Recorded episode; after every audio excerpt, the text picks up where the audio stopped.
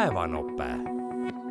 rahvusvahelisele raadiopäevale kohaselt oleme me teinud täna Kuku raadios seda, mida raadios tehaksegi ning nüüd on paras aeg pakkuda kuulajatele meie tänasest päevast äh, ka ülevaadet.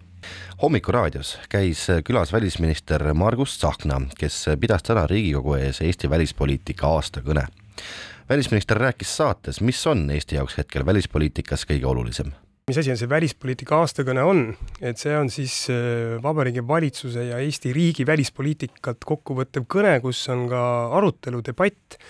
äh, kus on kohal siis kogu diplomaatiline korpus, ehk siis kõik äh, erinevad suursaadikud, riikide esindajad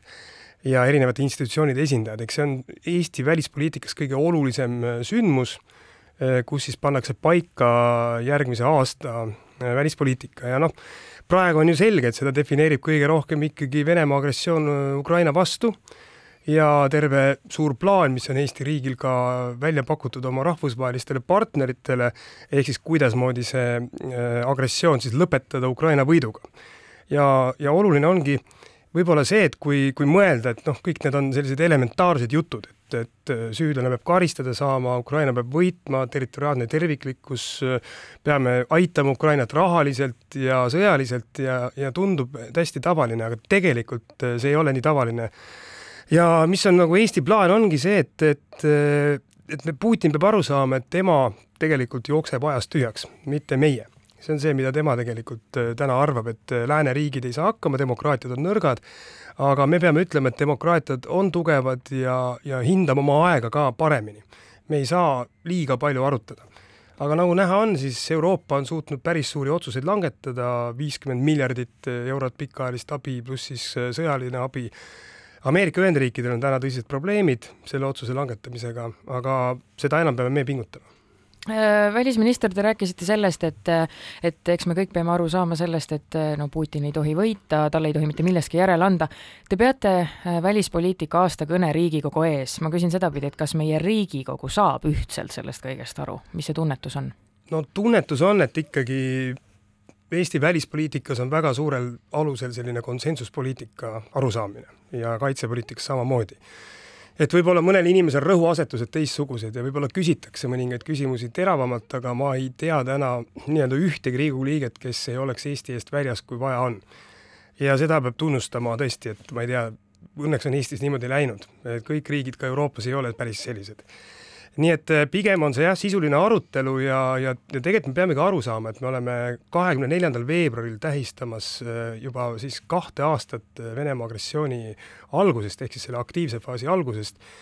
ja, ja minu sõnum on eelkõige see, et me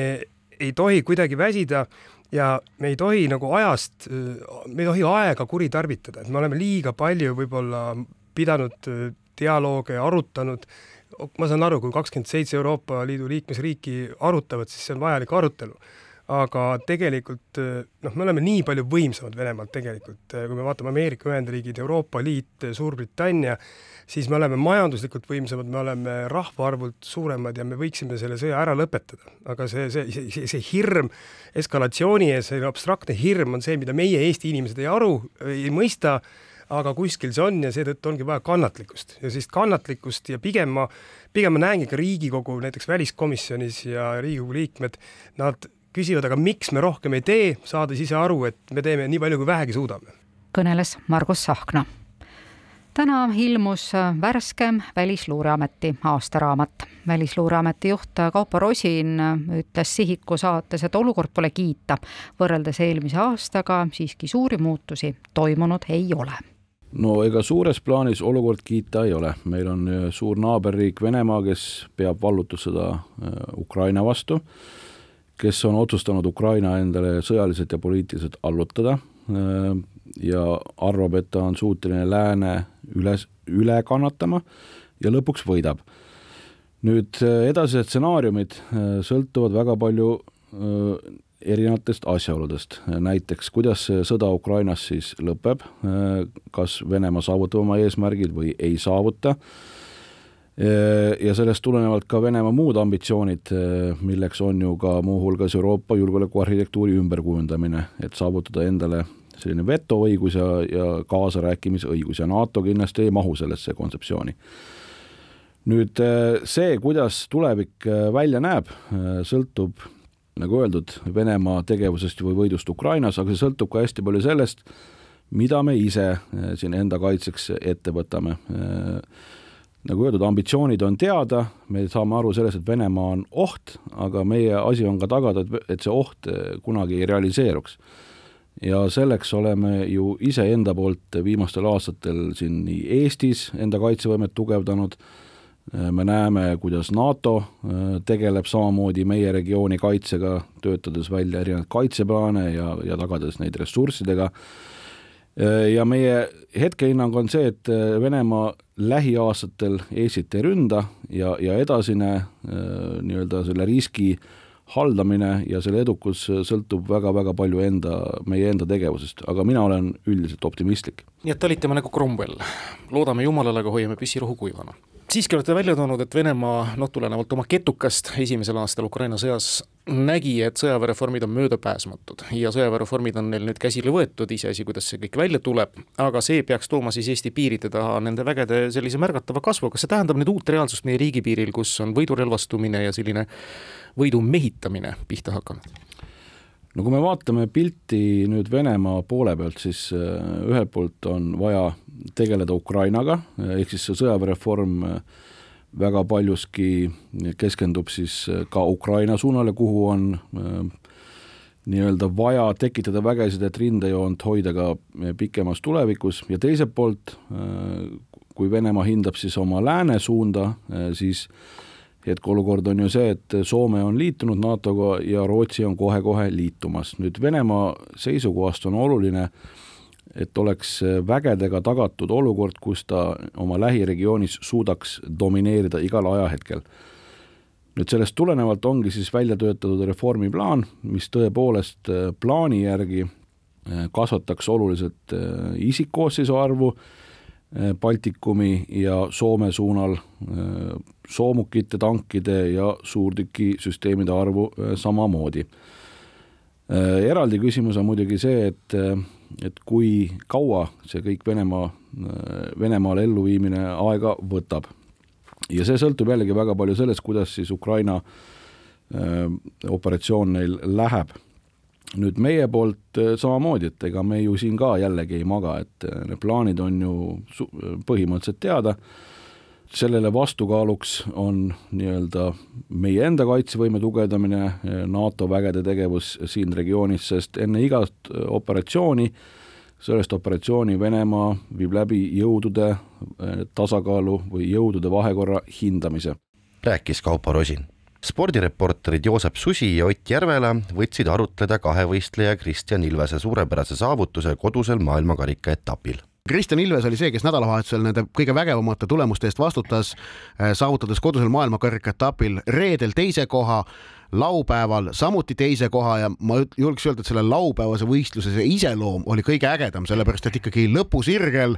no ei saa öelda e, e ega me lõpuni ei tea, kuivõrd palju ja täpselt Jarl Magnus Riiber seda lõpusirget kontrollis ja kui mugavalt ta ennast seal tundis, aga fakt on see, et Ilves kaotas talle ainult null koma neli sekundit ja äh, pühapäeval ka siis veel neljas koht ehk et teine, teine ja neljas koduselt maailmakarika etapilt. no vaadates seda taustsüsteemi ehk siis äh, viimatist maailmakarika etappi Seefeldis, siis äh, ega need ootused ju ses mõttes äh, niivõrd kõrged ei saanudki olla. alarmeeriv oli olukord ja, ikkagi. Äh, nii sa ka sõnastasid tegelikult jah, et vaadates, äh, et just eelmine maailmakarika etapp oli sisuliselt kõige kesisem maailmakarika etapp, siis sellist maailmakarika nädalavahetust pole ju Kristjan Ilves varasemalt suutnud kokku panna. ja tõesti, see näitas ikkagi noh, ma arvan, psühholoogilist tugevust ennekõike, et ta suutis seda kodupubliku tuge tegelikult äh, niivõrd tõhusalt ära kasutada. Ehm, ega neid sportlasi väga palju pole, äh, kes tegelikult ikkagi olukorras Äh, eriti jah, võtame näiteks selle laupäevase võistluse, äh, kus siis äh, noh, esiteks hüpe juba, aga kui taktikaliselt küpselt ta võistles kogu selle murdmaarajal. reedest võistlust vaadates, kus siis murdmaadistants oli enne ja kõik sõltuski hüppemäe tulemusest sisuliselt, siis olukorras, kus ta oli siis murdmaaraja järel neljandal positsioonil, sellise pinge all olukorras, kus varasemalt on olnud hüppemäel igasuguseid probleeme, suutis ta teha noh, noh peaaegu täiusliku hüppe, võiks öelda tema enda jaoks. Ehm, siis no ikkagi noh, täiuslik nädalavahetus ehm, ja tõesti, kui me vaatame seda laupäevast võistlust taktikaliselt, nagu öeldud, väga hästi sõidetud, ka see lõpplahendus tegelikult võiks öelda kogu see viimane no ütleme kuskil kuussada, viissada meetrit, kui hästi sa suutis positsiooni valida, positsiooni enda jaoks välja võidelda ja, ja tegelikult seetõttu sai ta Riiberile ikkagi väga ohtlikuks. et ma ei ütleks, et Riiber hoidis ennast midagi tagasi, sest lõpusirgel eh, suutis eh, Ilves korraks eh, tõusta Riiberi no ütleme, no peaaegu kõrvale, et ikkagi ta tuli tuulest välja, ega sul ei ole, ei ole seal ju Riiber nagu ikka kangutas seal, tunde, tunne oli, et näha, et ikkagi pidi kõvasti pingutama. no ja, hilisematest kommentaaridest, no ja tõsi, need hilisemad kommentaarid on alati sellised õlale patsutavad ja tunnustavad eriti kui on sisuliselt meeskonnakaaslase või tiimikaaslasega tegemist. aga mm, jah, ikka selles mõttes ma, ma arvan, et Ilves ise oli ka vähemalt esimeste päevade intervjuudest kuidagi kummas läbi, et oli ise ka natukene üllatunud, et mis, mis toimub nüüd jah. ja äh, tema treener Jan Schmid ütles väga hea mõttetere pärast võistlust, et Ilves suutis selle kodupubliku surve mille eest pääsu pole, millest pääseda pole võimalik, enda kasuks pöörata ja noh, see näitab muidugi sportlase taset. nii rääkisid spordireporterid. kuula ikka Kuku raadiot kas otse või järelkuulamisest Kuku veebis või Playeri nimelises äpis. päevanope